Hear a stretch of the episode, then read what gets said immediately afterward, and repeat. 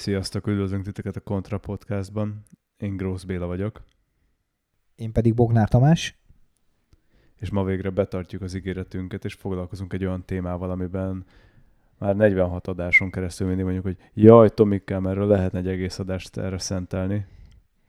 Hát igen, igazából nagyon, nagyon, nagyon sokan is sokszor teszik szóval, hogy mindig csak komoly értékű bringákkal foglalkozunk, és hogy nálunk millió forint alatt nincs élet meg egyebek, ami nyilván valamilyen szinten igaz is, hiszen aki, aki komoly bringákkal foglalkozik, meg, meg versenyzet, meg egyébként az nyilván nem a, nem a használt belépő árkategóriájú 30 ezres bringák között keresgél, de ez nagyjából olyan, hogy mondjuk autós újságok is ritkán foglalkoznak a, a legfapadosabb 30 éves Dacia tesztjével, hiszen ugyan sokaknak az a megfizethető autó, de, de mégsem az az, amire sokan rákattintanak.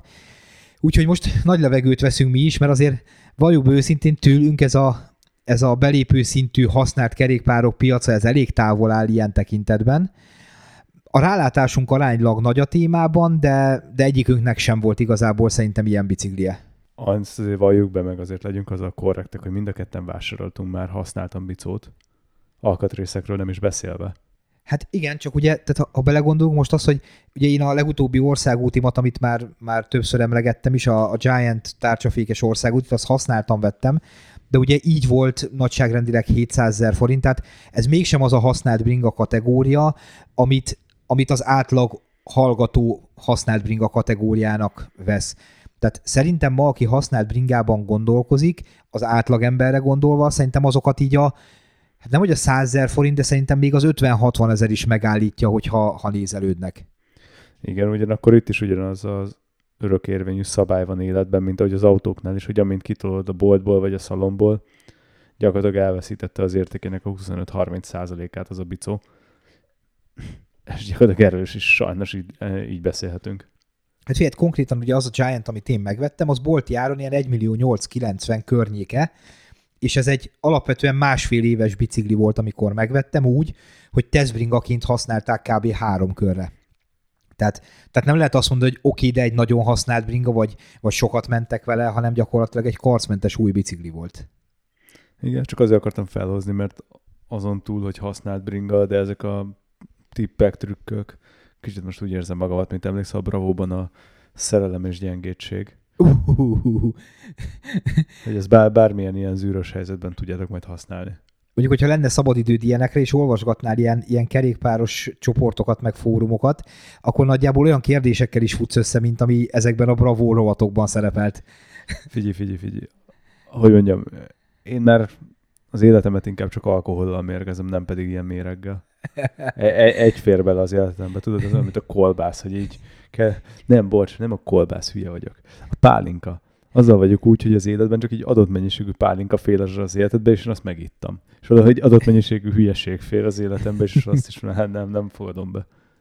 Mikor így a vázlatot írtam, nagyon gondolkoztam rajta, hogy mennyire induljunk a KH-tól, hiszen tényleg tehát a, a Facebook csoportokban a, a, a mitől nem tudom beletekerni a pedált a bal oldalba kérdéstől, mert nyilván nem tudja, hogy balmenetes, meg jobbmenetes pedál van egy, egy bringán. Tehát gyakorlatilag ugye ilyen szintől is el lehet indulni, meg, a, meg kvázi a tudatos vásárlótól is, aki igen, anyagi lehetőségei miatt, vagy pont amiatt, amiért én is ugye használt bringát vásárol, mert nem akarja elbukni ugye az új árának a nagy részét ő maga. De, de úgy gondoltam, hogy most inkább foglalkozzunk tényleg a belépő szintű gépekkel, meg azok, az azok vásárlóival nagy részben, majd érinteni fogjuk azért a felsőbb kategóriát is, de, de azért, ha megnézzük, hogy mondjuk Budapest útjain, ugye most nagy port kavart ez a bringa utat, hova festünk, merre megyünk, és igazából hány ember használja a körutat biciklivel, de azért ott így végignéztem a fotókat, amit így a kerékpáros klub csinált, meg egyebek, azért nem annyira a tárcsafékes carbon fitness trekkinggel munkába járók vannak többségben. Tehát, hogy ha, ha megnézzük ezeket a fotókat, akkor valójában azt lehet mondani, hogy ez a, ez a maximum 100 ezer forintig, de inkább 70-60 ezer forintig terjedő kategória az, amit, amit használt bringába keresnek az emberek. Jó, de valahol azt, azt gondolom, ez nem is probléma, hiszen hogyha közlekedő edénynek használod a kerékpárt, akkor most mit nem sajnálsz? Mire nem sajnálod rácseszni azt a nagy láncot, amivel mondjuk félig meddig le tudod biztosítani, mondjuk ezt tudjuk, hogy nem teljesen, de de érted, tehát egy esőben is nem, nem, nem, nem sajnálod. Egész egyszerűen egy használati eszköz, nem pedig egy sporteszköz. És szerintem itt van a nagy diffi, és valószínűleg itt van a nagy pénzügyi választóvonal is ebben az egészben, hogy ha sporteszközről beszélünk, akkor milyen zsebbe kell nyúlni, ha csak egy közlekedési eszköz, akkor viszont azért lehet fukarkodni.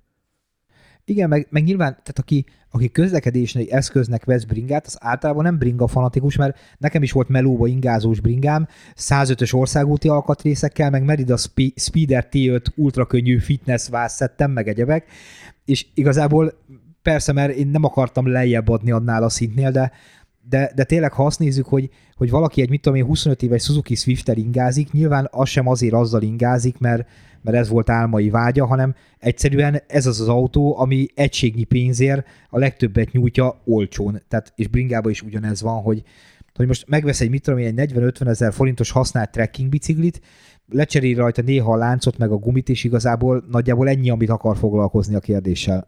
De akkor most így előhoztad, akkor na, hogy nagyon triviálisak legyünk. Mik az előnyei mondjuk annak, hogy egy használt bringát veszel egy boltival szemben?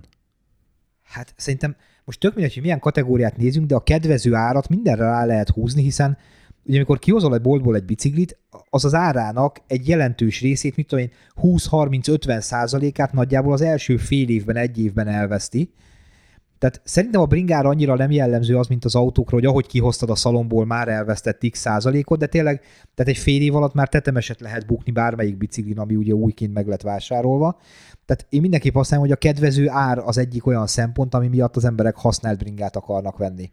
A másik szempont ugye, ami most nyilván az árral van összekötve, tehát ez kéz a kézben mozog ez a kettő történet, egy olcsóbb áron tudsz hozzáférni egy komolyabb felszereltséghez. Oké, okay, hogy mondjuk egy picivel talán nem annyira friss évjárat lesz, de maga a felszereltség viszont jobb lesz, és lehet, hogy egyébként egységnyi pénzért jobb teljesítményt fogsz tudni elcsípni, mint hogyha egyébként a boltból vásárolni meg egy új bicót, amit Novicento, te rugod rajta az első métereket.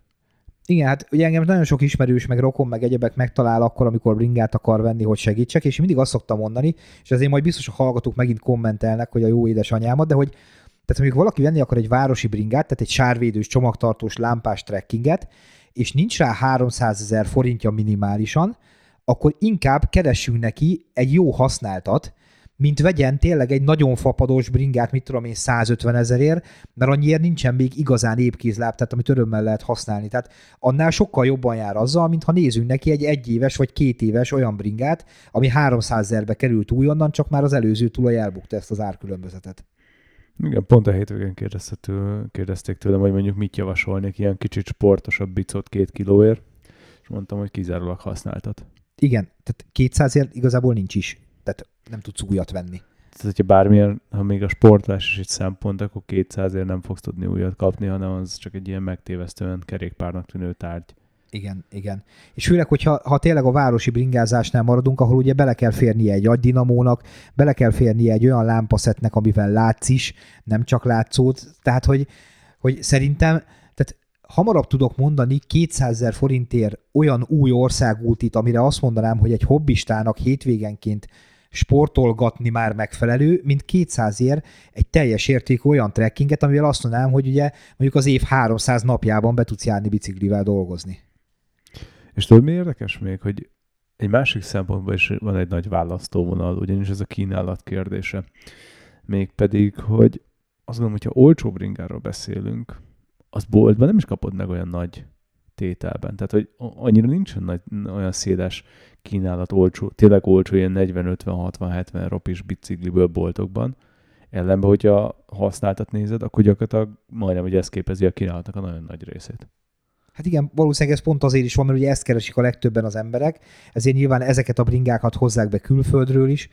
Tehát boltba igazából ma már száz alatt szinte csak a, a nagy, nagyáruházi szemét van, tehát most itt a dekatlont vegyük ki a történetből, ugye őt nem soroljuk az ilyen egyéb kenyér és tejlelő helyek közé, tehát igazából nem kapsz ma már lassan gyerekbiciklit sem 100 forint alatt boltba, boltba újonnan garanciával. Tehát tehát ez rögtön, tehát ez sok mindenkinek egy nagy választóvonal. Most oké, például a Decathlonnak nem tanulmányoztam a, a, a, bringáinak az árát, hogy honnan indulnak, de szerintem ott olyan százon föl, száz fölött egy kicsivel már lehet épkézlábat kapni, de, de igazából nagyjából ez az egyetlen lehetőség. Tehát bemész egy bringaboltba, és akarsz venni egy, egy Meridát, egy Cube-ot, egy Kelliszt, egy Cross-t, egy akármit, nincsen százezer alatt semmi. Biztos, hogy nincsen, ezt azért merem mondani ránézésről, mert, mert egy gyerekbicikli 70-80 ezer forint. Tehát amikor azt mondtad, hogy 100 fölött, akkor igazából nekem csak a Neoton Family jutott eszembe, hogy 220 fölött. Hát, és igazából tényleg az a durva, hogy pont a múltkor néztem valakinek talán Cube Nature-t, ez a, ez a belépő sárvédős csomagtartós agydinamós trekking bicikli, és ilyen bőven 200 fölött volt, tehát én annak idején dolgoztam a forgalmazónál, akkor még ilyen, hát ez mikor is volt olyan 2007-8 környékén, tehát azóta eltelt egy 12 év. Akkoriban, emlékszem rá, hogy 169-9 volt ez a bringa, és most oké, okay, modernebb cuccok vannak rajta, de alapvetően ugyanaz a bicikli, és azóta ennyit változott, a, ugye nyilván erről már beszéltünk az első adások egyikében, hogy mik befolyásolják egy bringa árát, de tényleg tehát azóta elszálltak az árfolyamok, elszálltak a távol-keleti munkaerő árak, minden, a szállítmányozás, minden. Tehát igazából nem tudsz 200 alatt most már egy, egy prémium márkából belépő szintet sem venni. Oké, okay, de most itt a jó dolgok után jöjjenek azért a hátrányok is, és szerintem utána a használt biciklinek, ugye minden, ami használtnak a legnagyobb hátulütője az, hogy értened kell hozzá. Tehát ezt akárhogy nézzük, a kicsit olyan, mint az ingatlan, hogy mindenki, valahol mindenki át akar cseszni. Így vagy úgy kicsit, vagy nagyon, ez már egy relatív, meg metafizikai kérdés, hogy mennyire, de, de, de valahol mindenki profitálni akar az egész üzletem. Hát főleg ha azt nézed, hogy most nyilván nem akarunk senkinek a zsebében turkálni, de, de mit tudom én, egy, egy átlagos trekking biciklin, ami új, de most legyen bármilyen bicikli, tehát egy új bringán azért van egy normális ár is, hiszen megél belőle kerékpárbolt, fenntartja ugye a boltot, alkalmazottakat, stb. De ezekben az 50-60 ezer forintos kategóriákban gyakorlatilag tényleg ilyen 10-15 ezer forintos hasznok férnek bele. Tehát itt mindenki úgy próbál ügyeskedni, ahogy, ahogy így a pofátlansága, vagy a, vagy a vérmérséklete még, még, vagy mit tudom én, így a, amihez még így az arcát tudja adni. Tehát itt tényleg, tehát nem azt mondom, hogy kész akarva akarnak átverni, csak mondjuk 40 ezer forintért tudsz venni egy romot is, ami, amit ha betolsz az első bringaboltba, akkor sírógörcs közepette fognak egy olyan javítási számlát mondani, amitől te már nem fogsz sírógörcsöt kapni, illetve te inkább sírógörcsöt fogsz kapni, mint a boltos. Meg lehet kifogni olyan bringát is, múltkor vettem az egyik rokonunknak két dekatlonos használt biciklit, pedig mikor először az ötletet mondták, így mondtam, hogy tehát, hogy nem elég, hogy alapvetően alapbiciklik, de még használtan is. Hallod, a két bringával a két év alatt, ha összesen mentek 20 kilométert, és egyébként garázsba volt a bringa, tehát nem az eresz alatt áztak, nem voltak rozsdások, semmi, és a két biciklit megvettük valami 110-20 ezer forintért, tehát hogy nagyjából így az ajándékár volt. Tehát, hogy tehát direkt el, elvitt magával ilyen szakértőnek, és nem tudtam belekötni a biciklikbe, vittem láncnyúlás mérőt, mindent, és egy karcot találtam az egyiken, tehát így nagyjából ennyi volt, a, ennyi volt az összes hátránya. Tehát simán ki lehet fogni ebben az árban nagyon-nagyon patent bicikliket is, csak ugye itt jön be az, hogy értesz -e hozzá annyira. Ez olyan, mint a használt autóvásárlás, hogy nyilván tudsz venni három kilóért nagyon jó Swiftet is, meg nagyon szart is. Tehát, hogy és a kettő között, mind a kettő messziről ugyanolyan pirosnak néz ki. Pontosan, meg tudod, a másik rész az az, hogy nagyon lehet, hogy nagyon jó dealnek tűnik valami, és tényleg pöpec állapotban is van, de főleg azért a drágább bringáknál, vagy mondjuk, hogy ami még előjöhet, még a régi bringáknál is, egy alkatrésznek a pótlása. Tehát egy drága bringánál, amikor mondjuk egy sort le kell cserélned, mert elkopott, akkor akármennyire jó deal volt, akkor újra listáron full újonnan meg kell venned, és ez azért nagyon-nagyon drága tud lenni már a bringának a komplett árához képest. Ha még egy régi bicóról van szó, egész egyszerűen lehetséges, hogy még egy agyváltós városi bringánál nem fogsz alkatrészt kapni hozzá, hanem ott a komplet kereket, az agyváltó rendszert ki kell cserélned. Igen, de még ha nem is megyünk el egy ilyen speciális területre, mint egy agyváltó, vagy nagyon régi bringa, vagy egyebek, tehát mondjuk kinézel egy biciklit, mondjuk megveszed 40 ezer forintért, mert úgy elsőre így jónak tűnik majd hát így nem vált úgy igazán, vagy, vagy így ugrik a lánc, elviszed a boltba, és azt mondják, hogy fél hajtást kell rajta cserélni, mert elkopott a lánc, ezt időben nem vették észre, ezért elnyújtotta a hajtóművön velő a hajtóművön lévő ránckerekeket is, elnyújtotta a hátsó sort is, meg még esetleg eldarálta a váltógörgőket is, és akkor erre azt mondják neked, hogy fiát, ez alkatrész árba nagyságrendileg mondjuk 38 ezer forint, meg még jön hozzá mondjuk egy 15 ezer munkadíj. És akkor nyilván ilyenkor egy csomóan hülyének nézik a boltost, hogy a boltos akar lehúzni, holott igazából te vettél egy nagyon szar bringát. És, és egyszerűen azért, mert mondjuk egy 1000 forintos láncnyúlás mérőt nem vittél magaddal, meg nyilván nem tudod, hogy ezt meg kell nézni, vagy hogy kell használni. Tehát Akkor pro tip number one, egy láncnyúlás mérőt mindig vigye magaddal a bringa vásárláshoz, ugye? Tomi? Persze, tehát hogyha most egy, egy tényleg egy alapbringát nézünk, amiben nincsen teleszkóp, nincsen tárcsa, fék, semmi, akkor a hajtás állapota az egyik legfontosabb dolog. Most nyilván a váz ne legyen elrepedve meg egyebek, de ha a hajtásod el van nyúlva, és azt ki kell cserélni, az kompletan a, a, a bringa árával vetekszik. Tehát ott meg kell nézni, hogy az a, a lánc, ami rajta van, az mennyire van megnyúlva.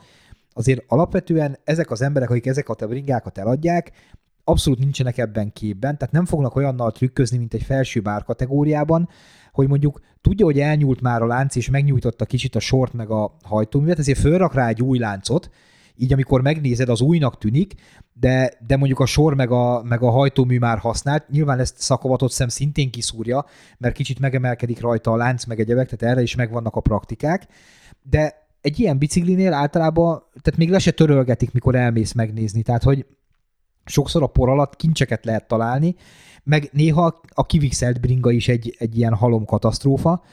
Tehát ha mondjuk megnézed a láncot és annak a láncnyúlás mérője, ugye van rajta 0,8-as meg 1 mm-es osztás, a 0,8 az azt jelenti, hogy már meg van nyúlva a lánc, de ha még kicseréled, akkor a többihez nem kell nyúlni. Az 1 mm-nél már, már biztosan cserélni kell a láncot, és már nagy esély van a többire is, fölötte meg ugye minden cserélni kell. Tehát, hogyha ha a lánc jó állapotban van, akkor vélhetően a hajtás többi része is jó lesz, mert nem trükköznek még ilyenekkel. Mert nem is tudnak róla, hogy egyáltalán ezt egybe kell cserélni, kell cserélni, mikor kell cserélni. Ők csak vettek egy bringát és használták. De majd szerintem ezeken a részeken menjünk így végig, majd így, így alkatrészenként, hogy, hogy minél mire kell figyelni, mert nyilván azért csináljuk most ezt az adást, hogy ne csak ilyen lózungokat mondjuk, hogy jót kell venni jó áron, hanem, hanem próbáljunk egy kicsit úgy is segíteni, ami, ami tényleg, ha valaki elmegy és megnéz egy bringát, akkor az kézzelfogható infó legyen. A másik ilyen fontos szempont, egy használtál, ami azért eléggé könnyen jöhet elő Magyarországon, maradjunk ennyiben. Történt, hallottam olyanról, akivel történt ilyen, állítólag, hogy lopott volt a bringa. De, el, hallottam ilyenről, Tomi? Elképzelhetetlen, főleg, hogy két részen keresztül beszélgettünk egy kriminológussal a bringalopásokról, ugye, még a nyár elején. Hihetetlen. Igen, és az a baj, hogy nehéz, nehéz megtudnod azt, hogy az adott bringa lopott-e. Ugye van egy hazai BikeSafe alkalmazás, egy bikesafe.hu, amivel, hogyha beütöd az alvásszámát a bringának, akkor ki tudja adni, hogy lopott vagy nem. De ugye ezt abban az esetben tudja csak, ha az eredet, eredeti tulajdonos bevitte a rendszerbe, és bejelentette, hogy lopott ha ezt külföldről hozták, ha nem lett bejelentve. Tehát én mondjuk ugye moderálok több Facebook csoportot, ahol az az alaptétel, hogy lopott biciklit, tehát ha ellopták a bringádat, abban az esetben hirdetheted meg, ha alvásszám is elérhetőség van, és gyakorlatilag egy csomóan írnak, hogy hát de így kiraknám, de nincs meg az alvásszám. Tehát az emberek 90%-a föl sem írja az alvásszámát, illetve fú, ezért meg fognak kövezni, nincs alváza a biciknek, nem írja föl a vászszámát a kerékpárnak, illetve az egyedi azonosítójelét. Nem akartalak kijavítani egy másfél perccel ezelőtt, hogy ugye az nem alvás szám, édesem. igen, igen, igen. Trollok ide. Tehát, hogy a, legtöbb embernek meg sincsen a vászszáma a kerékpárnak, tehát amikor bejelenti a lopást, igazából nem tudnak vele mit kezdeni a rendőrök, mert most az, hogy oké, elmondta, hogy igen, a felső csövön van egy három centis karc, meg ilyenek, de tehát ezzel, ezzel nem lesz meg a bringa ezért nehéz is leellenőrizni. Tehát a legtöbbször onnan lehet rájönni, hogy valószínűleg lopott egy bringa, hogy mondjuk tényleg, tehát ismered egy kicsit mélyebben a bringákat, és látod, hogy mondjuk egy 400 ezer forintos trekking bringát, vagy egy országútit mondjuk 60-70 ezerért akarnak eladni, tehát akkor, akkor biztos, hogy lopott lesz a kerékpár. Tehát, hogy Nyilván vannak fehér hollók, ezerből egy ember, aki megszorult, mert éppen a, az autójába kikönyökölt a hajtókkal, és most szervizdíjra kell a, a lóvé, de, de nem ez szokott az igazság lenni. Tapasztalatból mondom, hogyha nektek el akar valaki adni egy bicót, és azt mondja, hogy á, figyelj, autószállításnál véletlenül pont úgy surlódott a tartó, hogy ott a vászszámnál kopott le a monoblok, ott azért a kérdőjelek reppenjenek fel bennetek, hogy ez talán nem így történik. Illetve a másik kedvencem, ez egy annyira egyedi bringa, hogy ennek te ütöd bele az alvásszámát. Vászszám. A vászszámát. Tehát hallottam ilyet. Hallottam ilyet, hogy hallott valaki ilyet, aki hallott ilyet. És sajnos az a baj, hogy azért a magyar piacon azért elég jellemző a lopott bicó. Igen. Tehát ugye igen, pont egy lerakó igen. is vagyunk Magyarországon, emlékszem arra. Szerintem elmeséltük már? Nem tudom, hogy elmeséltük már. Én szeretem az ilyen kocsma sztoriba előtolni, hogy tehát a Ridlinek, tehát a Lottónak még annó, annó, annó, annó loptak el biciklieit, és aztán a mellettünk lévő Pilis Csabán pihentették azt a teher, egy teherautónyi Ridlit, ami aztán itt állt, és egyszer, egyszer megtalálták. És ugyanitt, ha a Herodó Ridlit keresne valaki, akkor... De olyannyira, hogy például tegnap előtti hír, hogy a magyar határőrség az osztrák határzónába, tehát az osztrák-magyar határ közötti erdőben talált négy vagy öt high-bike elektromos kerékpárt, nyilván a legdrágább flyonos, meg, meg, meg olyan, olyan verziókból, amik ilyen 8-10 ezer euróba kerülnek, le voltak döntögetve a fűbe az erdőbe, tehát nyilván pihentették a bringákat, hogy majd valamikor ugye fölszedik őket, és, és viszik tovább akár Magyarország eladásra, akár ugye Románia felé, Ukrajna felé, stb. Tehát, hogy ez, ez teljesen valós, és ugye mióta az elektromos bringák is bejöttek, amik ugye alapból nincsenek 2000 euró alatt, de inkább 3000 alatt, tehát ugye annak is szintén van egy nagy piaca, tehát hogy mondjuk el akarnak neked adni egy olyan, olyan láthatóan egyéves vagy tavalyi modellt, vagy tavaly előtti modellt, ami újonnan 8000 euróba kerül, és azt mondják, hogy de csak most csak neked, mit tudom én, 400 ezer forint, akkor az vélhetően nem egyenes úton került oda. És ugye az elektromos bringáknál még azért az a veszély is benne van, hogy például a Bosch az az összes alkatrészt logolja a rendszerbe, tehát kvázi olyan, mint az e-mail szám a telefonokba. Tehát mondjuk te bemész egy szervizbe, és ott az előző tulaj lejelentette ezeket a számokat, akkor simán lehet, hogy a rendőrök fognak várni, amikor kész van a bicikli a javításról. Szóval akkor csak a Family Guy-ból konszulát szeretném idézni, hogy no, no, no, no, no, senyor, no, senyor. És ez még hozzátartozik egy olyan történet, amit most élőben látok, és először azt hittem, hogy csak valami, valamit félreértettem így a, így, a, így a gyártáson belül, hogy mi is át akarunk térni arra, ugye a vázakba baromi macerás beütni a vázszámot mivel ugye annak egy állandóan változó kódnak kell lenni, és hát távol-keleten meg aránylag gyorsan készülnek a vázak, tehát jelentős időt vesz igénybe a, a szám beleütése. És ugye nálunk is cél az, fő, alapvetően a garancia miatt, hogy minden olyan alkatrész, ami a kerékpárra kerül és egyedi azonosítóval ellátott, most legyen ez akár egy, egy, egy SRAM AX-es hátsó váltó, ugye annak is van gyári kvázi e-mail száma, az ugye össze legyen kódolva a biciklivel, és legyen rajta egy olyan QR kód, amivel, amivel mindez kiolvasható. Uh-huh. És mondtam, hogy hát oké, oké, de hát hogy a vász szám innen is kiderült, hogy gyakorlatilag Hollandiát, meg Norvégiát, meg nem is tudom, egy-két európai országot kivéve nem kötelező már sehol a vázba fixen beleütött vászszám. És ezen meglepődtem, tehát, tehát gyakorlatilag az egyetlen olyan azonosítója a bringának, mert ugye ezek, amiket, amiket ugye mi is tervezünk rárakni, és nyilván nem csak mi fogunk ilyet használni, hanem a többi gyártó is majd, ezek ugye annyi, hogy a, a lakk alá kerülő matricák, na de ezt egy szikével leszeded róla. Tehát, hogy eh, nyilván nem a, nem a magyar, meg a román, meg az ukrán piac sajátosságaira készülnek ezek a kerékpárok, de, de nagyot néztem, hogy, hogy bizony ez a beütött vászszám, ez már, ez már nem kötelező. Miközben egy autónál nem is tudom hány helyre van beírva, tehát hogy tényleg, tehát nem csak a, nem csak a motorszám van, meg az alvásszám, az alvásszám, az vagy hat helyen benne van a kocsiba. Igen, és hogyha már lopottnál vagyunk, az nyilván vele jár egyébként, és nagyon kellemetlen dolog, amikor veszel egy bicót, van egy vászszámod, azt esetleg még be akarod jelenteni a, a gyártónál, az internetes felületén a kari miatt, és nem elég, hogy nincsen garancia a legtöbb esetben így a második tulajdonosra. Ez ezt azért nagyon sokan elfelejtik megmondani. Tehát amikor a Rózéval foglalkoztam, akkor így azért jöttek, hogy figyelj, elrepett a váz. Oké, hol a számla? Hát én ezt vettem valakitől, mondom, hát ez sajnálatos, mert ugye első tulajdonosra van igazából mindig csak garancia, úgyhogy akkor az első tulajdonos jelentkezzen. Igen, nagyon sok lifetime, tehát élettartam garancia, csak az első tulajdonosra vonatkozik.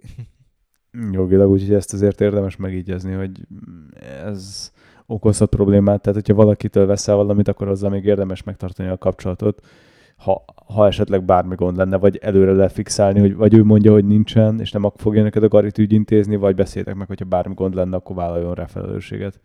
Igen, igen, ez a kedvenc messenger üzenetem, ez a figyelj, vettem egy Shimano steps szerelt bringát, a, a PIN kódot az hogy lehet törölni? Hát mondom, kérdezz meg az előző tulajdonost, hogy mi a PIN kód.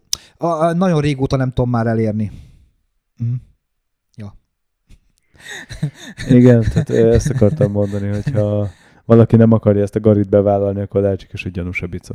Igen, tehát, és az a baj, hogy most oké, okay, megint elmentünk az ilyen furra azonosítható elbájkok felé, de tényleg veszel egy acélvázas trekking biciklit, vagy egy, vagy egy belépő szintű országútit, vagy egy montit, igazából nem fogod tudni, nem fogod tudni lenyomozni. Tehát, tehát ha te jó hiszeműen jársz el, sem fogod tudni lenyomozni azt, hogy az lopott vagy nem.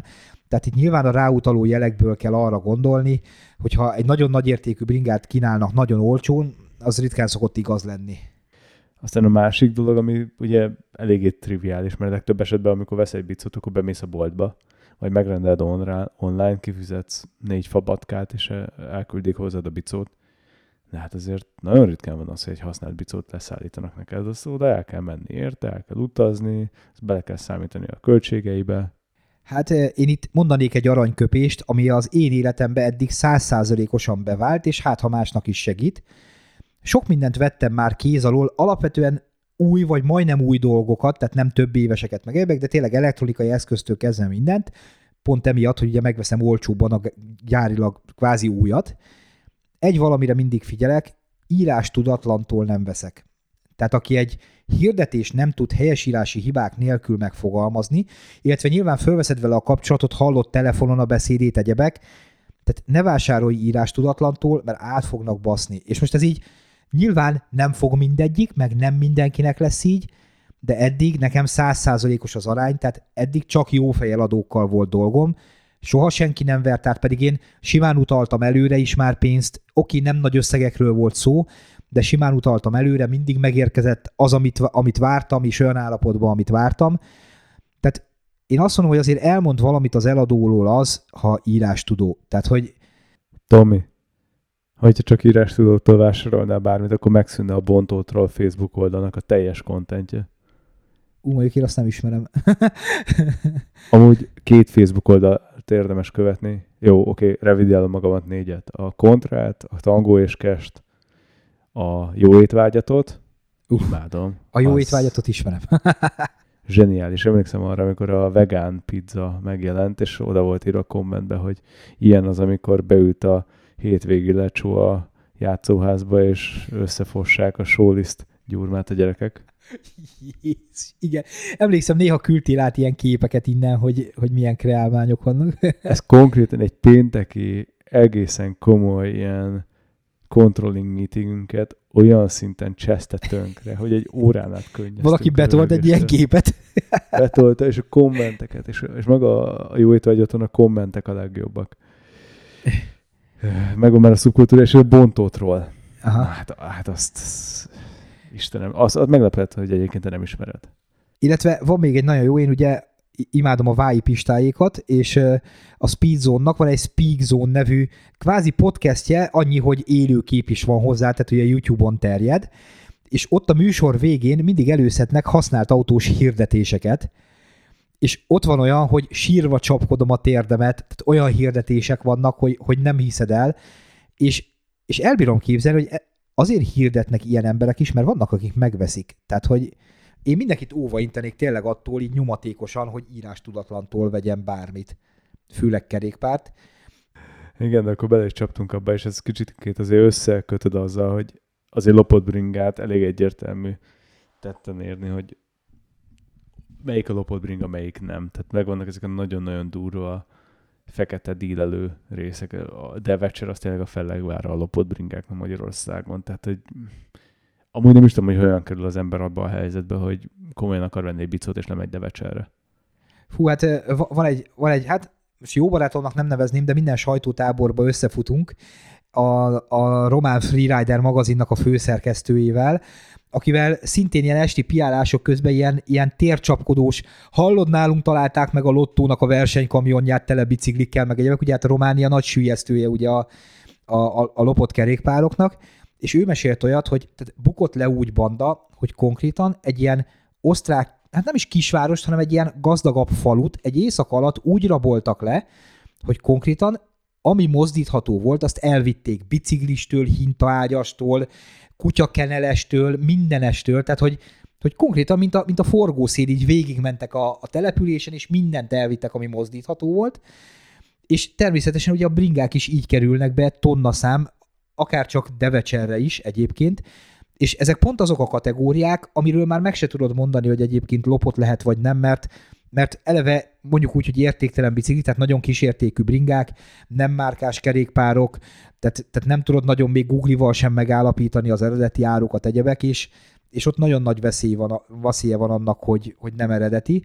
Nyilván azokkal sose fognak elkapni, mert ezeket be se jelentik az emberek, meg egyebek, csak én mondjuk úgy vagyok vele, hogy nekem az egy ilyen elv volt egész életemben, nem veszek lopott dolgot. Tehát, hogy persze vannak, akik azt mondják, hogy mindegy, mert ha te nem veszed meg, majd megveszi a másik, de én úgy gondolom, hogy ha, ha sokan nem veszünk lopott dolgot, akkor előbb-utóbb ennek így csökken a száma. Ezt mondjuk nem látjuk még az életben, de én ettől ehhez tartom magam. Hát meg ennek nyilván most nem akarok ezoterikus béci lenni, de nem vettem még elő a kristályokat, meg a joga matracomat, de hogy nyilván van egy karmája, hogy te valami lopott cuccot vettél, és ez valaki meg lett rövidítve. Igen. És te megörülsz rajta, hogy 30 ropival kevesebbet fizettél. Hát ezt Ja. Igen, igen. Tehát én, én azt mondom, ha már így áttértünk arra, hogy honnan vegyek kerékpárt, vagy hol keresgéljek használt kerékpárt, tehát alapvetően induljunk el az olcsó árkategóriától. Én, hát nyilván a bolhapiacokon ki lehet fogni jó árusított termékeket, de ugye ez a veszélye megvan, megvan nekie sajnos. Tehát én azt mondanám, hogy bike meg apró, akkor jó fogás, bár a jó fogás nekem egy elég necces terület, akkor ott a testbike, tehát van egy csomó apró hirdető oldal dedikáltan bringásoknak, illetve a Facebook Marketplace, ugye ott már rá tudsz szűrni arra, hogy mondjuk a, a 30-40-50 kilométeres körzetedben keresel, stb. És ha ugye nyilván nincsenek olyan igényeid, hogy ú, igen, én szeretnék egy, egy madzöld, mit tudom én, Merida trekking biciklit, amin Buschen Müller lámpa van, tehát nyilván nem így fogsz nekiállni egy belépő szintű bringa keresésének, ezért, ezért tök könnyen fogsz tudni találni a közeledben olyan bringát, ami eladó, amit pikpak el tudsz menni megnézni, tehát én látatlanba használt bringát egyáltalán nem vennék, tök mindegy milyen árkategória, pont, pont ezek miatt a dolgok miatt, hogy nem tud megállapítani, hogy, hogy mennyire, mennyire vannak lestrapálva az alkatrészek, meg egyebek. Tehát én alapvetően tényleg ebbe a speciális kerékpáros apró hirdetőkbe, illetve a Facebook Marketplace-en, illetve vannak tematikus Facebook csoportok, például a, a mit tudom én, MTB keres, kínál ilyenek, tehát ezt némi kereséssel erre rá lehet találni így a neten. Triatlonos bolhapiac. Triatlonos bolhapiac, országúti adok veszek, tehát, hogy ezekben lehet találni tök jó gépeket, rá tudsz menni az eladó adatlapjára, és ha, ha egy normális csávó, azt azért le lehet szűrni az adatlap alapján. Nyilván nem kilós aranyláncba könyököl a falu Béla BMW-nek a motorház tetején, és, és igazából, tehát mondjuk úgy, hogy könnyebben találsz jó bringát, vagy legalábbis korrekt eladót, mint, mint mondjuk egy... Tehát nekem a jófogásról nincsenek, nincsenek jó véleményeim. Vettem onnan egy-két dolgot, úgy, hogy elmentem személyesen megnézni, és ez a volt, amit meg se vettem, mert igazából nem olyan állapotú volt, mint ahogy hirdették. Tehát nekem a jófogással nincs jó tapasztalatom. Nem tudom, te hogy vagy vele. Hát én most már gyakorlatilag majdnem mindent, ami használt Facebookon adom el, tehát hogy meg is szűntek igazából nálam ezek az ilyen apró hirdető oldalak, majd nézegessem, legalábbis bringába teljesen. Azt aláírom, hogyha mondjuk, nem tudom, egy sütőt keresnék, vagy egy szagelszívót, akkor lehet, hogy nem a Facebookon keresgélnék első körben, mert annak nem tudom, hogy milyen csoportba kéne belépni ahhoz, hogy ezt keressen bringába történesen, tudom. Biztos van egy szagelszívó csoport. Szagelszívó adok, adok veszek. Adok ezek és ez alatt itt nem szívod meg. Bum! De hogy kegyen, de én is íratlan sok cuccot eladtam már Facebookon, ami hátulütője, és én ebay is már bringát el például. hogy, hogy ott nincsen vevővédelem. Tehát, hogy például eBay-en adsz el valamit, akkor a vevőnek és az eladónak is ugye van egy adott védelme, ami benne van az ASF-ében az eBay-nek. Facebookon ott azért ez, ez nincsen meg. Tehát erre is fel kell készülni. Ez, ez egy olyan dolog szerintem, amire emberek nem gondolnak annyira bele, mert ott vagyok, mit tudom én, face-to-face átveszem, de hogyha mondjuk postázás lenne valamiben, mint tudom, vesz egy bringás cipőt, most lépjünk ki a bringából, és azért nem akarsz mondjuk elut- elutazni Miskolcra, akkor most lehet, hogy mondjuk egy csomagnyi, hogy hívják, kristálycukrot küld neked a jó ember, akkor azt utána már nehéz bizonyítani. Arról nem beszél, hogy van. egyre többen állnak rá arra, hogy lehetőleg 49.990 alatti összeg legyen, mert ugye az még hogy is van jogilag, az még szabálysértés nem bűncselekmény, tehát alapvetően papírmunkával megszüntetik majd a nyomozást, még ha fel is jelented az illetőt, és soha semmi nem lesz meg. Sőt, olvastunk olyan sztorit, én ugye a használt autós csoportban is benne vagyok, hogy konkrétan megvolt, tehát megvolt a Facebook profil, a telefonszám, minden, és még így is lezárta a rendőrség a, ilyen ismeretlen tettes alapon a történetet. Tehát, hogy igazából nem foglalkoznak vele. Ezért is mondom azt, hogy, hogy mindig tehát célszerű személyesen ugye megnézni ezeket a dolgokat, és, és én mindig azt mondom, hogy tehát ha használtam, veszel valamit, az legyen a fejedben, hogy kapu garancia van. Ott vagy, próbáld ki, ha kell egy fél órát töltsél el ott, de tehát jó, mondjuk én lekopogom, hogy én amiket eladtam bringákat, mindig hibátlanokat adtam el, stb. Tehát nekem soha nem jöttek vissza reklamálni, hogy ú, otthon még ezt vagy azt észrevettem, de, de igazából nincs is létjogosultsága. Ott voltál, megnézted a terméket, megvetted, kifizetted viszlát. Tehát, hogy tehát ebbe, ebbe a mai világban megint, tehát ez a, főleg a, ugye a használt autós dolgoknál szoktam látni ezt a, ő fél év múlva kikönyökölt a hajtókar, és akkor majd én érvényesítem a jogaimat az autókereskedőnél, megjelenek, haver, vettél egy használt terméket, amivel másnap bármi történhet. Tehát, tehát én azért ezt így mindenkiben szeretném tudatosítani, hogy, hogy most így megvettél egy bringát, másnap elszakad rajta a lánc, old meg. Tehát, hogy tehát nem tartom korrektnek azt az eladón való, való leverését, tényleg nyilván ilyen nagyon, nagyon egyértelmű átbaszásoktól eltekintve, tehát mondjuk észreveszed, hogy javított volt a karbonváz, vagy el van törve, vagy valami, tehát arra azt mondom, hogy oké, azzal érdemes futni egy kört, de alapvetően úgy vedd meg a biciklit, hogy te tudtában vagy annak, hogy mit vettél. És igazából ugye itt térjünk még rá egy kicsit ugye erre az IBS, meg külföldi Kleinanzeige.at, meg egyéb, egyéb oldalakra. Tehát nyilván az eBay-en van védelme a vevőnek is, meg az eladónak is, de most, ha belépő szintű biciklikről beszélünk, nincs értelme ilyen helyeken keresgélni, mert a posta költség többe fog kerülni, mint maga a bicikli, amit megvettél. Tehát, tehát szerintem eBay-en akkor van értelme vásárolni, ha mondjuk ez az 500 ezer pluszos kategóriába keresgélsz bármit. Pontosan nem, hát én is a ellátkozott bringámat, amivel kétszer estem el, ott, ott adtam el, de hát ott már megértem, mert nyilván nem kellett külön adásvételét kötni, meg minden, tehát jogilag mindenki le volt védve, tudta, hogy hányadán el, fizetted a jutalékot az eBay-nek, pont. Igen, gondolom PayPal-al utalt, ami egy, ami egy szintén egy tök védett történet, tehát hogy... Persze. Meg, meg én például, tehát én soha nem adtam, meg vettem az eBay-ről, nekem, nekem az egy ilyen külön világ. Tehát van olyan ismerősöm, aki autókat vesz így, tehát úgy veszi meg a külföldi autót, hogy eBay-ről gyakorlatilag megtekintés nélkül, tehát neki elég a kép, nyilván ért hozzá meg egyebek, de nekem ez egy tök, tök külön világ, tehát én például eBay-ről már nem, nem mernék venni semmit, de mások meg simán adnak, vesznek rajta bringákat, egyebeket, tehát Hát nekem is hozzá kellett szokni, én kosárkártyákat adogattam el temértek mennyiségben, és akkor utána voltam úgy, hogy pff, akkor próbáljuk meg eladni a bicót, és pörkött tényleg gyorsan, sokkal-sokkal gyorsabban, mint ahogy Magyarországon elment volna, ha egyáltalán elmegy. Igen, egy, egy tök más világ, más szabályokat, tehát meg kell tanulnod az eBay világát, de nyilván van az az értékkategória, meg, meg az a szegmens, amiben, amiben ott sokkal jobb eredményeket lehet elérni, mint vétel, mind eladás tekintetében. Igen, tehát most százszónak is egy a vége. Én azt gondolom, hogy azért nagyon átvették a magyar apró hirdető oldalaknak a helyét, a, átvette a helyét a Facebook, de hogyha túltira akarsz menni, és kell védelem, meg ilyen, meg nem akarsz ezzel kockáztatni, akkor Bike meg a Pro például, én szerintem. Én még mindig odafordulok. Sőt, olyannyira ugye, hogy annak ismerem, mint, mint Bike meg Ese, ismerem ugye a belső dolgait is, és például amikor lopott biciklit fedeznek föl nálunk az oldalon, akkor van egy bejáratott kapcsolat a rendőrségre, tehát ez, ez pikpak lenyomozható egyebek, tehát nyilván a GDPR-nek megfelelően, de ugye mi tároljuk az adatokat, az kiadható a rendőrségnek egyebek, tehát hogy, hogy ilyen tekintetben azért egy, egy sokkal védettebb weboldal, mint egy Facebook Marketplace. Pont ezért gondolom kevesebben is próbálkoznak meg azzal, hogy ott, ott adjanak el lopott cuccot. Hú, várjál, várjál. Tehát egy valamit még nagyon kihagytunk ebből a folyamatból, a kerékpárboltokat. Ugyanis sok olyan bringabolt van, aki beszámolja a biciklit akkor, amikor veszel egy újat, és a használtat meg értékesíti. Ugye ennek az a nagy előnye, hogy egyrészt nyilván egy kereskedő nem akar átverni, hiszen tehát ő egy egész könnyen megtalálható helyen van, meg vissza tudsz menni, meg egyebek.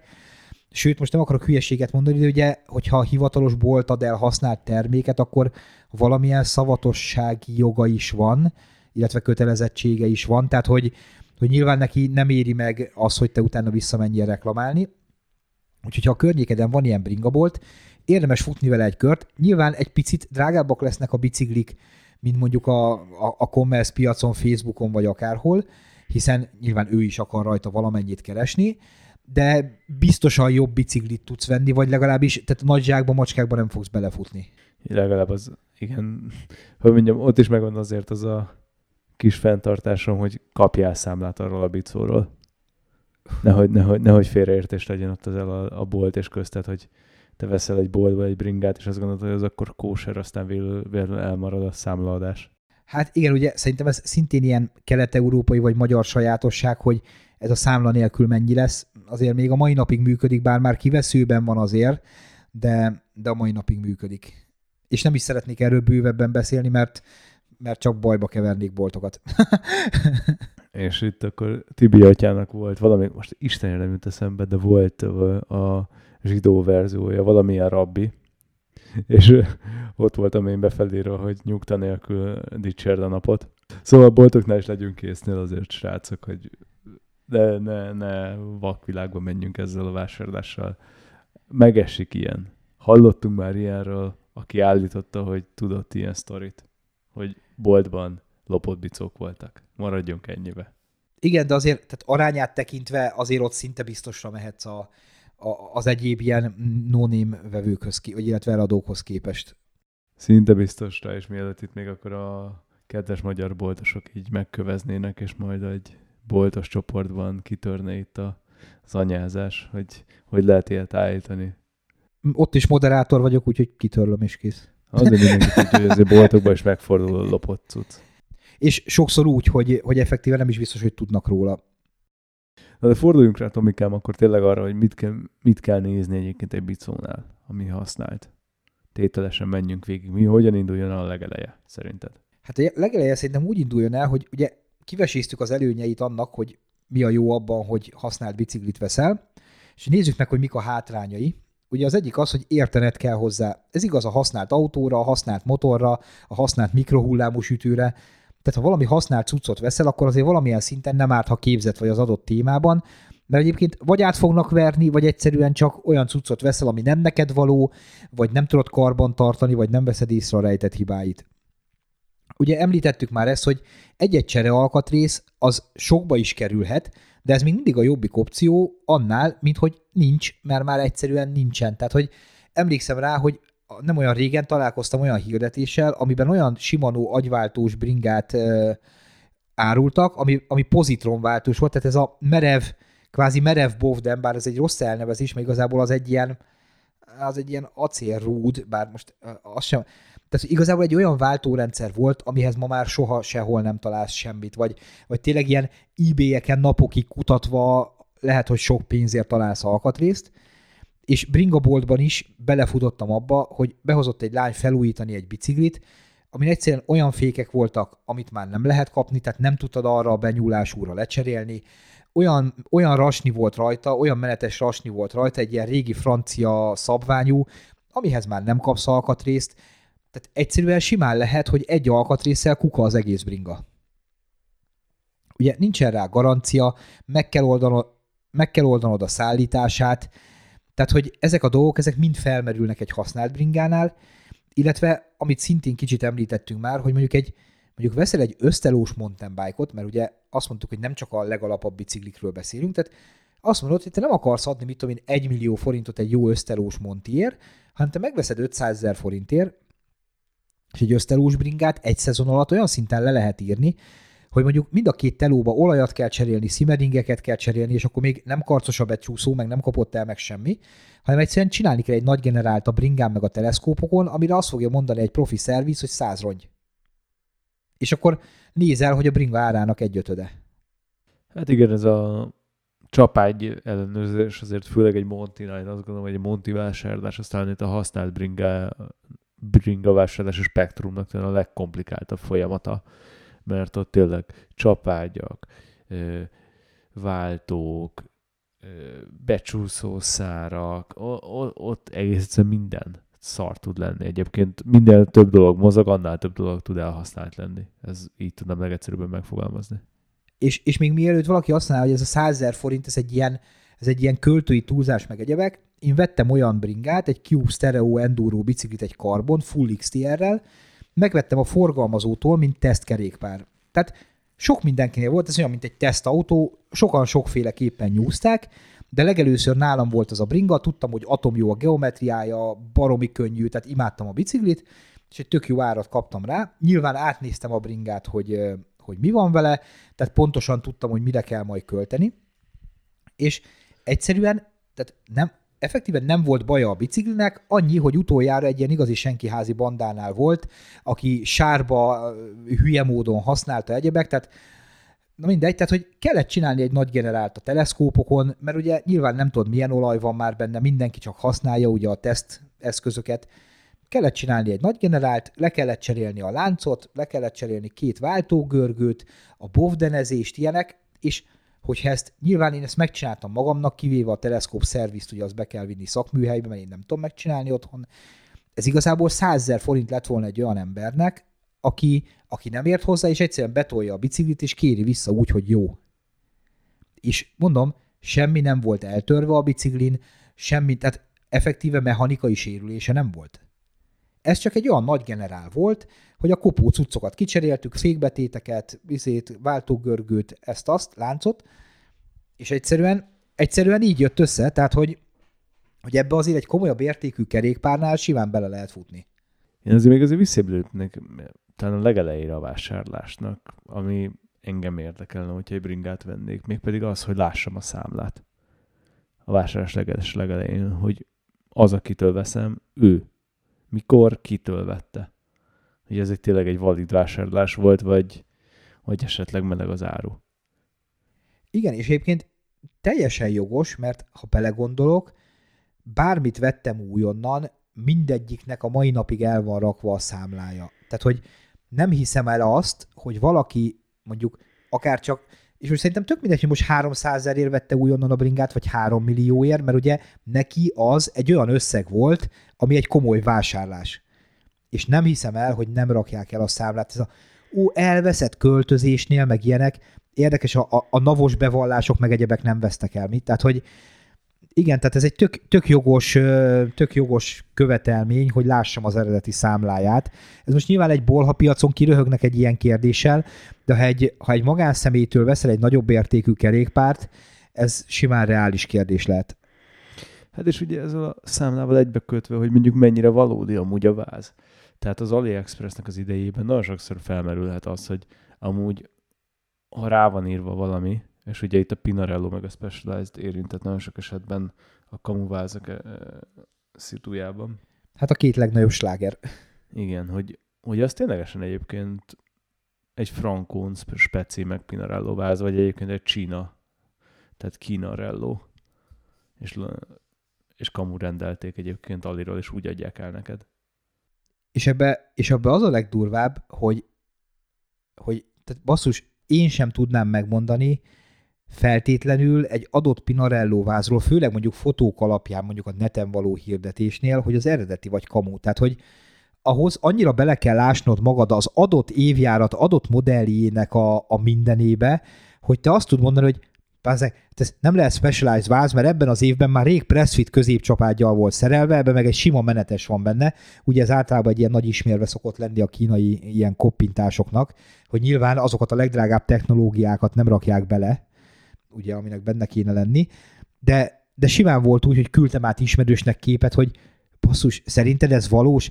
És tudod, amikor magad is tudod, hogy nem, ennyien nem lehet valós, és visszaküldte, hogy nem, mert, mert annál a váznál abban az évben nem ott, meg nem úgy, meg tehát, hogy csak ez tényleg, tehát autóban nem tudsz belefutni abban, nem fognak neked eladni egy X5-ös BMW-t BID néven, ugye a kínai koppintása nevén, mert rá fogsz jönni, hogy az nem az, de egy biciklinél szerintem ez baromira fent tud állni. És így nyilván most itt a felső kategóriáról beszélünk, mert egy aluvázas trekking biciklit nem fognak hamisítani. Hát azt nem fogják hamisítani, de ezt azért érdemes azért fejben tartani, mert nem csak vázakat hamisítanak, de, a, de sisakokat, szemüvegeket, ruházatot, és mindegyiknél ugyanúgy fennáll az, hogy szarabb a minőség. Illetve, hogy mondjam, nem tudod, hogy mennyire biztos a minőség. És lehet, hogy csak rosszul lett ezzel. Egyébként ilyenkor, főleg ugye ennél a két-három-négy nagy világmárkánál, amit előszeretettel hamisítanak, szerintem baromi jó megoldás, hogy akarsz venni egy ilyen országút, itt felmész az országút is Facebook csoportba, baromi nagy csoport, rengeteg hozzáértő van, berakod a képeket, és meg fogják mondani. Tehát én órás csoportban látom, ugye rengeteg komoly karórát hamisítanak, és berakják a képet, és basszus 99,999%-ban lesz ott olyan, aki az adott modellnek a, az igazi geek ismerője, és megmondja, hogy Ja, hát azon az Omega Seamaster órán 2014-ben volt egy Chrome kerete a lefelé mutató nyílnak. Tehát, hogy igazából, tehát ugyanez, ugyanez igaz a, a bringás csoportokra is, hogy biztos, hogy lesz olyan, aki azt az adott évjáratú Specialized Epic Ashworks bringát ismeri, lesz, aki azt a Pinarello, Prince, FP akármit átolzéig ismeri, mert ezzel kell, ezzel fekszik, és jellemzően a hirdetés vagy a fotók alapján meg fogja tudni mondani, hogy eredeti vagy nem. Szóval én azt gondolom, hogy számlára és arra, hogy mondjuk frankón azt kapod, amit hirdetnek, erre nagyon oda kell figyelni a használt bicóknál, főleg a drágáknál. Igen. És igen, aztán utána neki... meg ezzel egybekötve kezdj el kérdezősködni. Kérdez minél többet arról a bánatos bicóról. Mióta használja? Van-e van-e olyan rajta, ami nem működik? Hogyan lett szervizelve? Meséljen egy picit azért az ember, tehát hogy mondjam, álljon össze egy ilyen kis idővonal a bicóról. Igen, és, és itt, is, itt is igaz az a mondás, ami szerintem az élet minden területén, ha túl szép az ára ahhoz, hogy igaz legyen, akkor nem igaz. Tehát ugye vannak ezek az internetes csalók, fölrakják az általában közkedvelt KTM Specialized egyéb kerékpárokat, és mit tudom én, oda van írva, hogy mit tudom én, 70 ezer forintért a 700 es bringa, mert meghalt a nagymamám ők nagyapjának a, a, az akárkie, és csak most csak neked izé, nem fogsz venni ilyet. Tehát ilyen nincs. És tényleg több ezer ismerősen rendelkezünk szerintem így ketten, és soha senki nem vett még fillérekért nagyon drága biciklit. Tehát, hogy ilyen nincs. Emlékszem arra, amikor egyszer egy Audit néztem, és egészen jó áram volt. Elvittem a unokabátyámat megnézni, aki fejlesztőmérnök volt történetesen éppen az Audinál, abban az időben. És nézegettük, nézegettük, és így nem állt össze, aztán aláfeküdtünk a kocsinak, nézzünk, hogy valami jeladót lóg a hátsó féltengelynél, mondom, hogy mi ez itt? Nézzük, aztán mondjuk, hogy a lednek a jeladója valamiért ott lecsúszott, de mondjuk, hogy ez nem is ledes, hanem ez csak sima izzós. És akkor így akkor itt elkezdtek nézegetni, kiderült, hogy a komplet hátsó része össze volt törve, és össze volt farigcsálva, és visszaraktak egy ledes, hogy fél tengelyt a kocsiba. Aztán mondtuk, hogy jó, köszi srácok, így ne. De hogy így ne, ha nem áll össze a sztori, akkor, akkor többnyire ott valami turpisságon a történetben, úgyhogy kérdezzét, kérdezzetek minél többet, valószínűleg akkor nem lesz egyébként olyan, akkor ezzel tudjátok minél inkább csökkenteni a kockázatot. Igen, meg, meg tényleg tehát nagyobb értékű bringa vásárlásnál törzsd le az adott évjárat katalógusát egyebek, tehát nem, nem árt, hogyha te is megismered egy kicsit az adott bringát, sokkal magabiztosabb leszel a vásárláskor, nem fognak annyira megvezetni, én mondjuk élvezem is ezt most tök mindegy, hogy most tévéről van szó, vagy kerékpárról, vagy bármiről, de hogy én bármit veszek használtam, mindig próbálom magam beleásni maximálisan. Eddig bevált. Mindenbe Igen. is. Így van, úgyhogy ha valaki esetleg tudna Fiat Ducatóból L4 H3-as verziót jó árba, akkor jelentkezzen. lehetőleg 2008 után. Hát, amúgy érdekes dolog, mert ugye mondtad azt, hogy a por alatt milyen kincsekre lehet leállni, de ugye a régi trükk a bringás társadalomban, hogy egy flakon VD40-nel gyakorlatilag mindent újjá lehet éleszteni, és feltámad, mint Főnix a poraiból. Tehát, hogyha érzed ezt a gyönyörű finom VD40 illatot, és csillognak a gumik, mint a teljesen újak lennek, akkor az nem jelenti azt, hogy még teljesen frankó bicó, de ne téveszem meg. Amire én azért szívesen rákukkantanék, és ez az én fétisem, hogy a fékpofák mennyire vannak elkopva. Az nem egy olyan látványos Igen. történet, de hogyha látod, hogy szét van fékezve, már gyakorlatilag, meg a felni le van kopva, azt tudod körömmel érezni, akkor valószínűleg azt a bringát meghajtották, mint zinger a varrógépet. És persze ebből még nem feltétlenül adódik az, hogy nem jó vétel, de tényleg a, tehát a VD40 az körülbelül olyan, mint az autóneppereknek a szilikon. Tehát, hogy Ugye nyilván lehet kapni például a Motorex Bike Shine-t, ami egy brutálisan jó kerékpár ápolószer, tehát, tehát visszaadja a matvázaknak ezt a sejmes csillogását, meg minden, csak mondjuk pont négyszer annyiba kerül, mint a VD40, ezért nyilván, aki ilyen bringákat akar újjá varázsolni, az nem a, nem a négyszer olyan drágát fogja ráfújni, és a VD40-nek meg van egy jellegzetes szaga, amit érzel a bicikliről, de ugye általában, amikor nagyon-nagyon ki vannak glancolva a biciklik, akkor érdemes ától átnézni, mert egy hajszárepedés megbújik valahol a vázon vagy villán, az ki kell tudnod szúrni, mert főleg a repedés lesz olyan, amire később nem fogsz tudni hivatkozni. Tehát egy repedés bármikor keletkezhet egy vázon, most ez így szarul hangzik, de tényleg így van. Elvitted a biciklit, és másnap akkor is megrepedhet a használt bicikli váza, ha egyébként hibátlanként vetted. Tehát, hogy ez, ezt nem tudom, milyen autós hasonlatot mondjak rá, de ez, ez körülbelül olyan, mint hogyha ha nem nézed meg a vezérműszi állapotát az autóba, akkor ne csodálkozz, ha holnap elszakad, mert ki tudja, mikor volt benne cserélve, ha volt egyáltalán. Tehát, hogy, hogy, hogy amit már egyszer mondtam, hogy vásárláskor te vagy a felelős a döntésedért. Tehát ától zéig néz vissza, és hogyha az eladó sürget, főleg a feltűnően sürget, hogy hú, még lenne itt vevő, meg már neki menni kell, meg izé, akkor inkább neved meg. Tehát, hogy ha nem kapsz elég időt arra, hogy te meggyőződj arról, hogy az a bringa jó, akkor el kell inkább engedni. Van annyi eladó használt bicikli, hogy majd jön Igen, másik. Én a legvégére írtam a jegyzetünknek pont ezt a gondolatot, ami szerintem ezzel függ össze, hogy lehet, hogy jó a bringa, lehet, hogy jó az ár, lehet, hogy még a csetelésben szimpatikus is az eladó, de azért egyre készüljél fel szerintem a bringa vásárlásnál, az még pedig az, hogy vásárlás nélkül hazamész. Mert lesz valami, valami, ami nem tetszik, valami nem áll össze az egészbe, és ne, nem, nem méri meg azt, hogy beruházza egy bicóba bármennyi pénzt, azért, hogy utána megbánd egy-két hét, három-négy héttel később. És a... Igen, és tényleg ez a, ez a szerelemből nem veszünk kerékpárt, ez, ez főleg azokra jellemző, akik, akik kezdők még a kerékpározásban, vagy egyebek, tehát én nyugodt szívvel tudok már elengedni durészt, XTR-t, karbont, akármit, tehát amennyi időt mi bicikliztünk, meg foglalkoztunk a biciklikkel, tehát én tök jól, tehát most nem lenne ez a Carbon országút, én tök jól el tudnék bringázni egy, egy 105-össel szerelt aluvázas bringán is, tehát hogy igazából tök más értékrendünk van már szerintem ebbe, de nyilván, aki összekuporgatta a pénzét arra, hogy az első mondjuk Carbon országútját megvegye, vagy az első szíhajtásos agyváltós trekking bicikliét megvegye, az hajlamos beleesni abba a hibába, hogy végre talált egy jónak tűnőt, és gyakorlatilag szerelmes lesz abba a biciklibe, és bármi áron meg akarja venni. És ez nagyon nagy hiba szokott lenni, mert ilyenkor vagyunk hajlandóak, tehát én a legtöbb biciklimet úgy adtam el, hogy valaki beleszerelmesedett abba a modellbe, a legtöbb biciklimet, tehát mondjuk 10 eladott biciklimből 9 egyáltalán nem mentek. Volt olyan, akinek azt mondtam, hogy nem adom oda a biciklit, amíg nem próbálod ki. Tehát, hogy Képesek az emberek úgy biciklit venni, hogy fel se akarnak ülni rá, a vevők 90%-a este jött megnézni a biciklit sötétben. Soha nem tennék ilyet. Tehát, hogy, hogy egyszerűen nem értem az embereket, most nyilván én nem fogok eladni szart, de meg te se fogsz eladni szart, de rengeteg ember meg a szart akarja eladni, meg a, meg a javítottat, meg a, meg a, a kiglancoltat. Nem megyünk sötétbe biciklit megnézni, nem megyünk úgy biciklit megnézni, hogy 20 perc múlva indul a buszom haza, vagy mennem kell dolgozni, vagy vár anyám otthon a meleg ebéddel. Tehát, hogy erre rá kell szánni az időt, és tényleg ától mindent átnézni rajta. Akár háromszor. Tehát, hogy ennél nehéz jobb tanácsot adni. Igen, ez alatt jönnek ki az ilyen hülyeségekben, hogy a váltás jól megy egyébként, kotyog-e a kormánycsapágy, szorul-e egyébként, tehát érzed, hogy akkor az azért, hogy mondjam, ilyen, ilyen használati nyomok, amiket mondjuk, érted, VD40-en el lehet maszkolni, vagy a dzsúás a bring, amit te, te, mondtál, hogy mondjuk nem látod egy vázrepedését, az is egy olyan dolog, hogyha arra nem készítik fel, hogy el legyen adva, az is egy jel, én azt gondolom. Igen.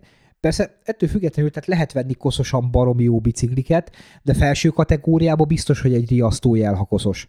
Tehát alsó kategóriába ott tényleg, tehát, tehát amiket e- említettem, hogy vettünk két lekatolós bringát, tehát igazából ott látva az embert, meg a házat, meg egyebek, tehát nekik a kerékpár nem képviselt többet, mint az ajtó előtti lábtörlő. Tehát, hogy tehát nem voltak biciklisek, nem voltak, nem voltak kerékpár fanatikusok, megvették a két biciklit, beletámasztva a garázsba, lepte a por, belőtt, beszőtte a pókháló, stb. Tehát, hogy nem feltétlenül jelenti azt egy, egy olcsó bringánál az, hogy koszos meg egyebek, hogy, hogy, hogy nem egy jó vétel, csak, csak tényleg érteni kell hozzá, meg, meg ne vegyél úgy biciklit, hogy nem próbálod ki. Már csak azért se, mert, mert basszus, mi van, ha nem a te méreted?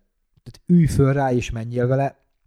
Tehát régen lehetett ilyen aranyköpéseket mondani, hogy hegyi kerékpárba, ha 175 centi vagy, akkor 17 szoros vázat vegyél. Mára szerintem ez full felborult, tehát hogy, hogy igazából már, már néha tippelni se tudok, tehát azt szoktam, hogy megnézem a geometriát, ha ilyen ismerős kérdezi, és akkor abból próbálom kitalálni, hogy milyen lehet a jó méret, ülj föl rá és próbáld ki. Kattints végig az összes sebességi fokozaton, próbáld ki a féket, és ha bármi van, még ha te nem is értesz hozzá, kérdezz rá. Tehát ha nem fog a fék, kérdezz rá, hogy ú, nem kéne ennek jobban fogni egyebek, és már lehet, hogy a válaszból már, már el fogsz bizonytalanodni, vagy, vagy esetleg megerősítést kapsz arra, hogy, hogy egyszerűen mondjuk a tulaj csak ugyanúgy nem ért hozzá, mint ahogy te. De, de én mindenkit attól is óva intenék egyébként, hogy egy ilyen hozzáértőnek tekintett havert magával vigyen. Sok ilyet láttam, és jellemzően ezek a nagyon hozzáértő emberek ugyanúgy nem értenek hozzá, mint te, csak nagy a pofájuk. Most ez így szarul hangzik, de de sokszor így van. És akkor ott elkezdik fikázni a biciklit az eladó előtt, ami szerintem rém kellemetlen, meg ilyenek, tehát tehát én inkább azt mondom, hogy mi magunk ássuk bele egy kicsit, vagy, vagy kérdezzük meg az ismeretségi körünket, csak, csak ne vigyük oda, hogyha ha tényleg nem egy olyan hozzáértő emberről van szó, akibe vakon megbízunk. És hogy akkor picit adjam a lovat, mi történik, mert most normális bicikli, normális, klasszikus kerékpárokról beszéltünk, de mi történik egyébként elektromos bringánál, ott mire figyeljünk oda? Hú, hát az elektromos bringának a használtan való vétele, az szerintem egy, egy még neccesebb történet. És csak szólok, hogyha 15 percnél hosszabb lesz a válaszod, akkor lecsavarom a hangerődet. Ú- úgy gondolod, hogy kicsit a... Igen, úgy gondolom, hogy lehetséges, hogy elkalandozol ebbe a témába. Tehát az a baj, hogy elektromos bringánál ismerned kell az adott rendszert és az adott rendszernek a nyűgjeit. Ezek jellemzően Facebook csoportokban például rákeresel, van egy, van egy e-bike-os csoport, pedelek e-bike csoport a Facebookon, én csináltam, tehát baromi sok olyan ember van benne, aki bic, ezekkel a biciklikkel megy, tehát ha felteszed a kérdést, hogy figyelj, vennék egy, de, de tényleg így, tehát vennék egy 2017-es Yamaha PVX-szel szerelt kerékpárt, tehát tényleg így le kell szűkíteni, lesz ott olyan, aki azt fogja mondani, hogy figyelj, nekem már volt kettő ilyen is, erre meg erre figyelj. Minden elektromos rendszernek megvannak a maga nyűgjei, érteni kell hozzá, tehát, tehát én, én basszus, pedig ebbe dolgozok, nem azt mondom, hogy nem mernék használtan elektromos bringát venni, de magánszemélytől nagyon-nagyon meggondolnám. Most gondold el, hogy tehát veszel mondjuk, vegyünk egy bost. Ugye a legtöbben a bost ismerik, mert ugye a szerszámgépbe, egyebekbe ismert. Bosnál nagyon lényeges, meg a többinél is, milyen az akku állapota, hányszor volt feltöltve, hány százalékát veszítette már el a kapacitásának az akkumulátor, ehhez kell egy célszoftver.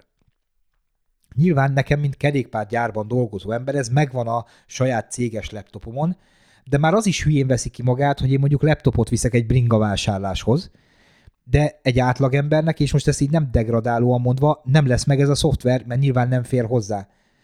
Tehát azok most, az meg mennyire életszerű, hogy akarok venni egy magánszemétől egy elektromos bringát, majd leegyeztetem a hozzám legközelebb eső bossal foglalkozó szervizpartnerrel, hogy akkor találkozzunk ott, és akkor majd ő kiolvassa az aksit, nyilván majd valószínűleg azért kér is valami pénzt, hiszen dolgozik vele, meg egyebek, de nélkül meg nem szabad venni, tehát egy, egy három éves e simán lehet, hogy az akkumulátor már csak a kapacitása 70%-át tudja mert kintárolták a garázsba télen, hidegbe, lemerülve, stb. stb. Tehát én élesztettem úgy újra a Bionics akkumulátort, hogy gyakorlatilag majdnem teljesen halott volt, és egy ilyen hosszú procedúra után sokszori föltöltés, lemerítéssel sikerült mondjuk ilyen 70%-osra visszavarázsolni az életbe. Tehát, hogy és, és egy akkumulátor mondjuk egy ilyen, ilyen alsó hangon, ilyen 100-150 ezer forintról induló történet még használtan is. Tehát, hogy, tehát egy, egy elektromos bringában nagyon-nagyon bele lehet futni abba, hogy, hogy, hogy olyat veszel, ami, amivel igazából csak a bajod lesz. Második generációs borsoknál szeret beázni például a hajtókarnál a csapágyazás, utána ott befolyik a víz, ugye az elektromos részek annyira nem kedvelik a vizet, még ha, még ha ugye be is vannak öntve műgyantába, meg egyebek. Tehát ezeket a trükköket ismerni kell a biciklinél. Tehát most nekem valaki azt mondja, hogy figyelj, itt van egy baromi jó mondjuk Yamahás bicikli, amit meg akarnék venni, eljössze meg szakérteni, én megmondanám neki, hogy figyelj, először körbe kérdezek, és megkérdezem, mert nyilván én, mint gyártó, azokkal a biciklikkel találkozok, amik hibátlan újak. Tehát nálunk, ha egy motor nem működik, akkor dobod a selejtbe, azt teszel be egy másikat. De ugye kerékpárboltból Magyarországon alig van olyan, aki átfogó, használt kerékpáros tapasztalattal rendelkezik. Hiszen eleve hát most Magyarországon az a ezres nagyságrend, amit eladnak el bike-ból, ugye az, az nem is nagyon jön vissza még egy előre a szervizbe. Tehát meg kell kérdezni azokat, akik ezekben jártasak, és tényleg specifikusan arra az adott motorra, hajtásrendszerre rákérdezni. Nagyon nagy divat lett az, hogy behozzák az elektromos bringákat Németországból, jellemzően ilyen 300 és 500 ezer között adják el, ez a kategória jön be, mert ugye nagyjából ez a realitás azoknak, akik mondjuk használt elbájkot akarnak venni, és és tényleg hát kint voltam annó a, a Rádvert Mihiknovba, Ausztriába, a Hocsa barátomnál, aki mutatott egy olyan gyári szoftvert, ami nekik van, megtalálod benne az összes régi modellt, tehát beütöd, hogy mit tudom én, 2002-es KTM, Macina, akármi elektromos kerékpár, és meg fogja mondani, hogy mára valószínűsíthetően annak mennyi az ára. És olyan árak jöttek ki a 4-5-6 ezer eurós új árakhoz képest, hogy így padlót fogtam, hogy tehát az elektromos kerékpároknak alapvetően olyan szinten leesik az ára használtan, hogy így a, így a hagyományos bicikliknek így a töredékére. Pont ezek miatt, hogy ugye van bennük egy elektromos rendszer, akkumulátor, egyebek, ami egy, ami egy nagy rizikófaktor. És most lehet, hogy ezzel most így elriasztottam mindenkit attól, hogy használt elektromos bringát vegyen. Lehet venni, csak szerintem háromszor olyan körültekintés kell, mint egy normál bringánál és talán a 15 perces válasz. Igen, itt akartam belét folytani, már így vettem a levegőt. De hogy tényleg szerintem egy összefoglásra még pár egy ilyen rövid jó tanács az egészre, és szerintem amit így nem mondtunk eddig, de valahol ez is szerintem egy nagyon-nagyon egyértelmű történet, hogy sose utalj előre bringáért. Sose. Nem tudod milyen. Nem tudod, hogy milyen állapotban lesz. Nem tudod, hogy lopott te abba a szent minutumban. Képeket láttál, esetleg egy rövid videót ne utalj előre. Én még foglalót is nehezen tennék, de hogy mondjam, hogyha valaki adtam már úgy bringát, hogy valaki nekem utalt foglalót, de azért írtam papírt, az eléggé kóser volt, számlák át voltak küldve abba az esetbe. De hogy azért azért tutira kell menni. És itt ugye rögtön különböztessük meg az előleget a foglalótól. Mert ugye jogilag, főleg ha papírba foglalod, akkor nagyon két különböző dolgot jelent mert ugye a foglalónál, ha te állsz el a vételtől, akkor ugye a dupláját, hogy is van, akkor buktad a lóvét, ha az eladó áll el, akkor a kétszeresét kell neked kifizetnie. Tehát kerékpárra, még ha szerződést is írtok, csak előleget adjatok, mert ugye az visszajárhat. Tehát tényleg annyi olyan aspektusa van, szerintem órákig lehetne erről beszélni, hogy, hogy milyen buktatói vannak egy használt bringa vásárlásnak, és pont ezért is mondom, hogy nagyon-nagyon körültekintően kell eljárni, és oké, okay, az esetek 99%-ában elmész, megnézed, felülsz, kipróbálod, tetszik, megveszed, kb. ennyi, tehát, de a maradék 0,1%-ban meg százezrek múlhatnak rajta, akár. Pontosan. A másik szempont, én szerintem, hogy ha használt biciklit vegyél, akkor az a nagyjából készülj fel arra, és rakjál félre egy összeget arra az esetre, hogy ki kell rajta valamit cserélni. Nem biztos, hogy ki kell, de hogy, hogy mondjam, úgy azért a budgetotban azért tervezzél bele, hogy talán valami meg fogja adni magát. Igen, ez mindig így van, és tényleg egy, egy több éves biciklinél elő, előregszik a külső-belső, elkopik a fékbetét, vagy már eleve kopott a fékbetét, ha, ha tárcsafékkel szerelt a bringa, le kell cserélni benne a fékolajat, ha teleszkópos a bicikli, tehát én nem vennék úgy teleszkópos bringát, mindegy, hogy csak elől van teló, vagy elől hátul, hogy azok nem kapnak egy nagy generált. Tehát szétszedi a szerviz, kicseréli benne az olajat, nyilván, ha nem egy elasztomeres zsírozandó dologról van szó, és, és tudom, hogy onnantól rendben van. Tehát én használt autót is mindig úgy vettem, olajak, szíjak, gyertyakábel, stb. Tehát ez kötelező csere, mert nem tudod, hogy mikor volt megcsinálva, és nyilván az eladó vagy elmondja az igazat, vagy nem. Tehát én erre nem alapoznék ilyenbe se. Tehát teleszkópos bringáknál, meg tárcsafékes bringáknál alap egy olajcsere, egy takarítás, és ezeket szakszerviz fogja megcsinálni, mert nyilván otthon nem tudod megcsinálni. Én is úgy meg tudnám csinálni itthon, például a, a tárcsafék szervizer is meg tudnám itthon csinálni, de ha mondjuk kifolyatnám a fékoljat itt a nappaliba, tehát azt mondja, verne. Tehát, hogy inkább elviszem szervizbe, csinálják meg. Igen, és szerintem most ismételni fogjuk magunkat, ismételni fogom azt, amit te mondtál, de hogy személyes átvétel. Személyes átvétel, személyes átvétel, és hogyha nem érzed, hogy kóser a szitu, nem szimpatikus, nincs jó feelinged, akkor állj el tőle, és menj haza. Lesz új bringa, van új bring, van más bringa a piacon, nem, nem kell az első bicot megvenned. Igen, és főleg, hogyha olcsó bár kategóriába keresgélsz, akkor a kínálat van, tehát nyilván, ha te rá vagy állva, hogy, hogy egy, egy pontosan egy adott évjáratot típust is szint keresel, akkor nehezebb dolgod van, de most tényleg akarsz venni egy munkába járós bringát kb. 50 ezerért, ebből ma van ezer darab eladó az országban. Tehát, hogy nem kell pánikba esni, hogy majd nem jön egy másik. És, és tényleg a másik olyan dolog, hogy ne sürgessen az idő. Tehát, tehát mondjuk akarsz bringá, bringát venni munkába járásra, akkor ne augusztus közepén kezd el keresni, hogy ú, szeptembertől kell valami. Mert hogyha sürget az idő, az megint ok a hibázásra. Tehát, tehát tényleg ez a, ez a biztos valami buddhista kerékpárvásárlónak kéne lenni, mert az elengedés művészete, ugye az a használt kerékpárvásárlásban egy nagyon jó tulajdonság, mert, mert amikor úgy érzed, hogy valami nem kóser, akkor el kell engedni, majd lesz másik. Mint az ötvöséknél, tudod, van másik. Ezen a igen, igen, igen. De nem ezzel is zárjuk le, Tomi ezt az adásunkat.